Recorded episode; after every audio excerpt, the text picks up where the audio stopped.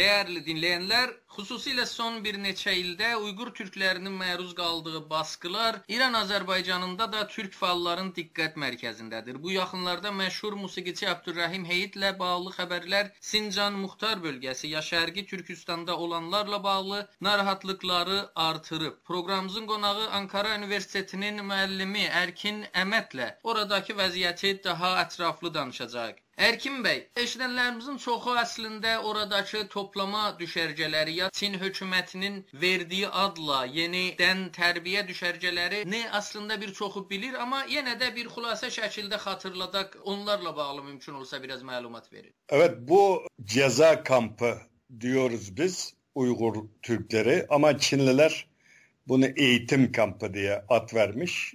Çeşitli dönüştürme kampı şeklinde. Bu aslında 2004'ten beri bölgede böyle açık hava kampı şeklinde mesela aile planlaması iki çocuk yapacaksın diye aile planlaması var. Ona riayet etmeyenler, ona uymayanlar veya devlet tarafından tehlikeli olarak görülen, tehdit olarak görülen kişileri sabah gidip akşam evine dönme şeklinde bu tip kamplar, eğitim merkezleri vardı aslında.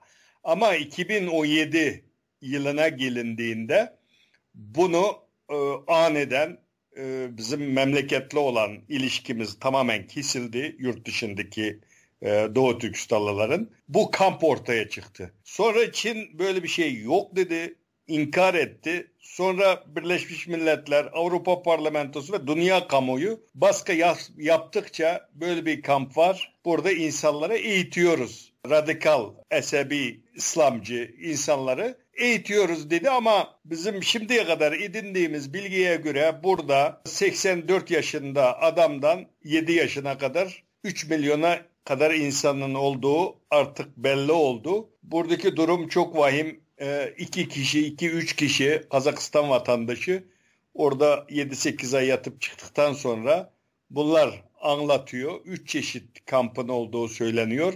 Biri gerçekten hapis gibi karanlık evde kalanı en tehdit olarak görülen insan. İkincisi ara sıra güneş gören, eğitime tabi tutulan böyle bir şey. Üçüncüsü ise daha gevşek, tam eğitim şeklinde işte sabahtan akşama kadar ders verilen böyle bir Komünist Parti'nin şeyine verilen böyle bir eğitim şeklinde e, devam ediyor. Batılılar 1, 1 milyondan 2 milyona kadar olduğunu söylüyor. Ama bizim tahminimiz her ilçelerden böyle tek tük aldığımız bilgiye göre bugün e, yüze yakın resmi rakamlara göre 80-85 civarında kampın olduğu söyleniyor.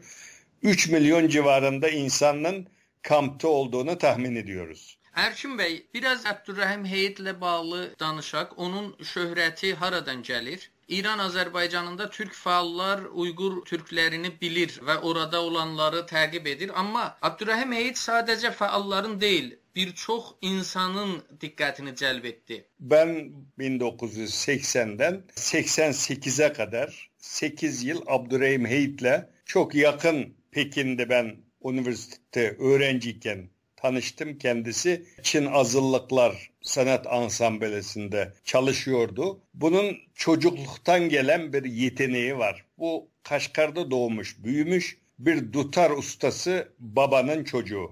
Sizin de hemşehriniz sayılır. Siz de evet. e, Kaşgar'dansınız. Evet, ben de Kaşgar'danım. Kaşgar çok önemli biliyorsunuz. Kaşgar Türk tarihinde Tebriz, İstanbul, işte nasıl önemliyse Buhara, Semerkant Türk tarihinde Kaşgar çok önemli bir yer. Uygur Türk kültürünün e, en koyu, en yoğun olduğu bir bölge. Burada doğup büyümüş. Buranın türkülerine Kaşgar'a özgü türkülere seslendirirdi. Ee, o genç yaşta o zamanlar meşhur olmuştu ama teknolojinin gelişmesiyle, sosyal medyanın ortaya çıkmasıyla çok geniş bir coğrafyaya yayıldı onun şarkıları. İlk defa 1990 yılında kendisi Ankara'ya geldi. Ankara'da TRT televizyonunda Abdurrahim tanıtıldı. Orada dutar çaldı. Sonra Gazi Üniversitesi'nde Sanat Fakültesinde orada konser verdi. Hiç unutmam ben o konserine katılmıştım. Orada hocalar dedi ki ya nasıl olur dedi bir bağırsaktan yapılmış iki telden bu kadar güzel müzik çıkıyor, bu kadar güzel ses çıkıyor diye çok takdirini kazanmıştı Türkiye'deki bu müzikle uğraşan insanların. Abdurrahim Heyti aslında Dütar'ın şahı deyirler. Evet Dütar'ın şahı diye nam salmıştı. Bir de en önemli tarafı mesela benim en şaşırdığım şey şu oldu. Mesela Çin Halk Cumhuriyeti'nde iç bölgelerinde Abdurrahim Heyt dediğiniz zaman Çinli tanımaz. Ama bu Türk dünyasında işte siz de bahsettiniz İran'da mesela insanların bu kadar sevmesi bunun böyle milliliğinin çok yüksek olması. Bunun yaptığı müzik, çaldığı müzikler tamamen bu Uygur milli kültürünü, bu milliliği vurgulayan eserler. Mesela bunun işte Kaşgarlı Mahmut'la ilgili, anı dilinin önemiyle ilgili, milli olmanın önemiyle ilgili çok güzel böyle türküleri var. Dolayısıyla Türkiye türkü de bunun müziğini anladığı zaman bundan zevk alabiliyor. Yani bir insan 4500-5000 kilometre uzaklıkta bunun yaptığı müzik Türkiye'deki insanlar tarafından sevilerek dinleniyor. Çok muhteşem bir şey. Yani Abdurrahim bir fenomen. Dolayısıyla o Çin Halk Cumhuriyeti'nin yayınladığı o kasette Abdurrahim yaşadığı ile ilgili diyor ki beni devletin güvenliği açısından şu an denetim altındayım. Yani devlet güvenliğini tehdit ettiğiyle suçlanarak oraya atılmış. Yani bu Çin'de çok büyük suç bu. Devlet güvenliği demek yani en üstten davala yargılanıyor adam. Ona karşı pantürkizm suçlaması, günahlandırılması da var mı? Tabii ki. Şimdi bu devletin güvenliğini tehditten yargılananların hepsi ya pantürkist ya pan İslamist. Şimdi Çin buradaki Türk soylu olan yani Uygur, Kazak, Kırgız, Tatar, Özbek, Türk soylu olanları daha çok milli duyguya sahip olanları pan-Türküs, biraz dini e, bilgilere sahip olanları pan-İslamist'i suçlayarak içeriye atmış. Abdurrahim Heyit de bununla suçlanıyor. Bugün orada içeriye alan, alınan Yalkın Rozu, Yalkın Rozu'nun oğlunun adı Kemal Türk. Türkiye heyranı bir yazar. Bu Türk birliğinden, milli kimlikten falan bahseder. Bu tip insanların hepsi pantürkizmle suçlayarak içeriye alınmış durumda. Yani biz diyoruz işte Kazak, Kırgız, Türkmen işte biz kendi içimizde ayrılıyoruz ama Çin'in gözünde bunların hepsi tek bir yani. Bu Türkleri o coğrafyadaki Türk varlığını yok etmek onun. Erkin Bey, Abdurrahim Heyt'in ölüm xəbəri yayımlandı. Sonra o video yayımlandı. Çin tərəfindən dedilər ölməyib. Bir məşhur sənətçinin ölüm xəbərini təyid etmək Nədən bu qədər çətindir? Şərqi Türkistanla ya Sincan Muxtar bölgəsi ilə irtibat məsələsini mümkün olsa biraz e, bizə açıqlayın. Telefonla necə irtibat qurulur? İnternet irtibatı necədir?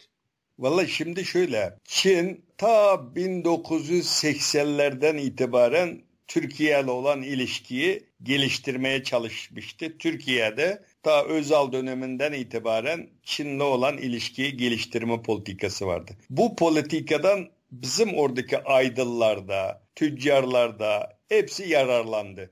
Türkiye'ye gelen gidenler oldu, burada okuyanlar oldu, okup oraya dönenler oldu.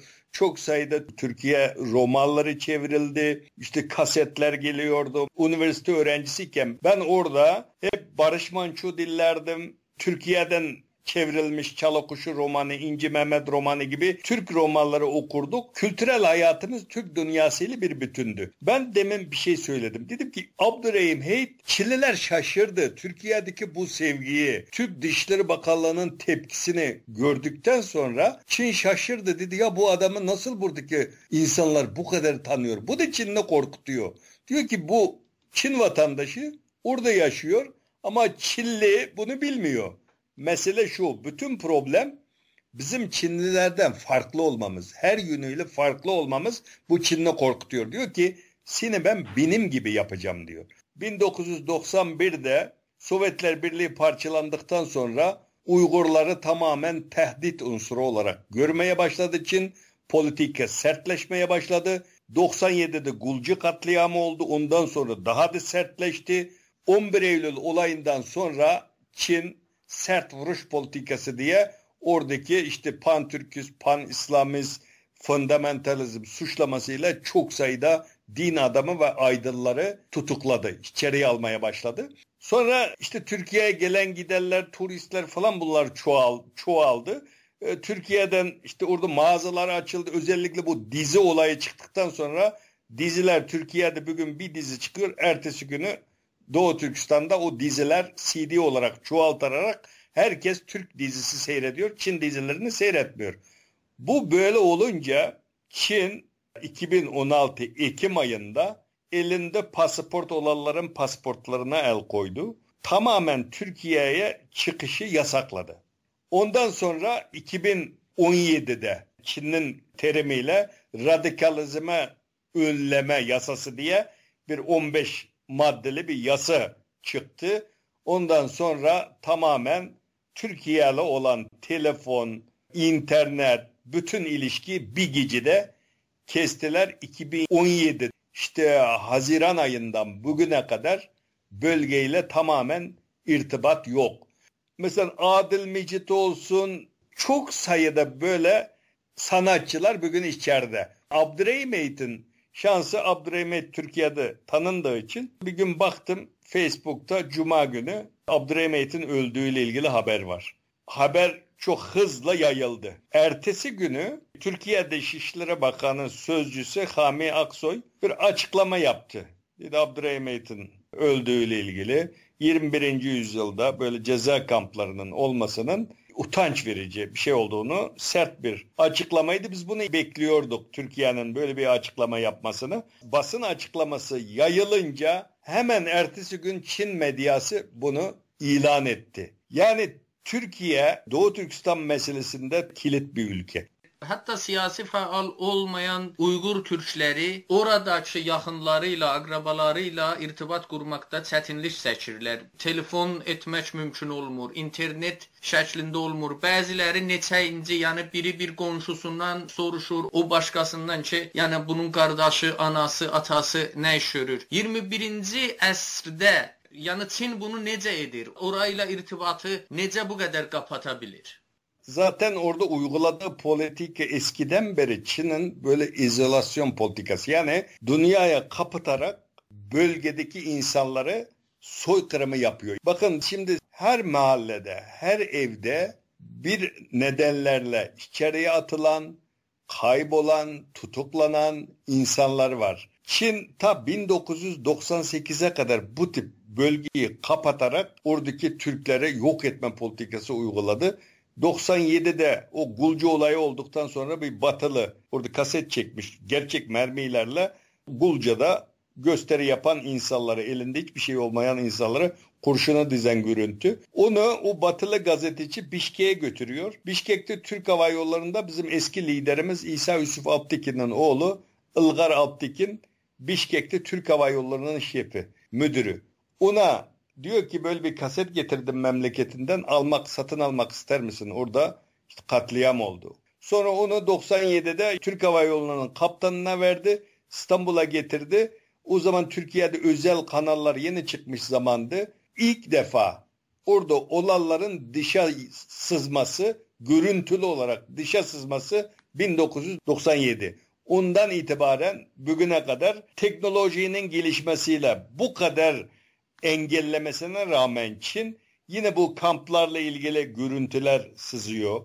Oradaki işkencelerle ilgili görüntüler bir yolla çıkıyor. Bu milyon da bir biri ancak dışarıya e, sızabiliyor. Burada tamamen irtibat yok.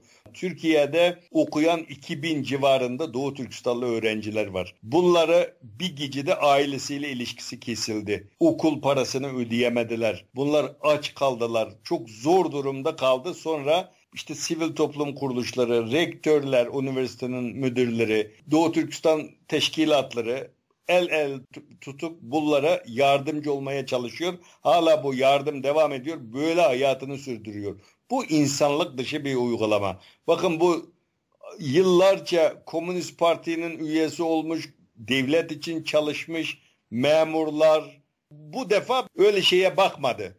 Eskiden sadece Uygurlar hedefti. Bu defa Kazağ'da, Kırgız'ı hedefine aldı. Ee, kim olursa olsun etnik kökene Türk soylu olan herkesi içeriye aldı. Oradaki akrabalarım öldü mü, yaşıyor Bey, mu siz, bilmiyoruz. Siz dediniz Türkiye'de içiminden artık tələbənin, öğrencinin aileleriyle irtibatlarını kəsdilər. Sizin özünüz de yaxınlarınızdan o düşərgələrə gönderilenler var. Biraz mümkün olsa son sual olarak onlar hakkında biraz danışın bize. Sizin yaxınlarınızdan neçə nəfər o düşərgələrə gönderilibdir? Şimdi ben bundan 6 ay öncesine kadar bir gecede irtibat kesildi. Bir buçuk yıl ben haber alamadım. Benim orada ben altı kardeşim, ablam, kardeşlerim, kız kardeşim, beş kardeşim Kaşgar'da. Bunların çocukları var. Şimdi ben burada olduğum için ben eskiden sadece köydeki bir ablamla irtibatım var. Diğer kardeşlerimle görüşmüyordum. Çünkü zararı olmasın ben buradayım diye. Türkiye'de olmak da suç orada ayrıca.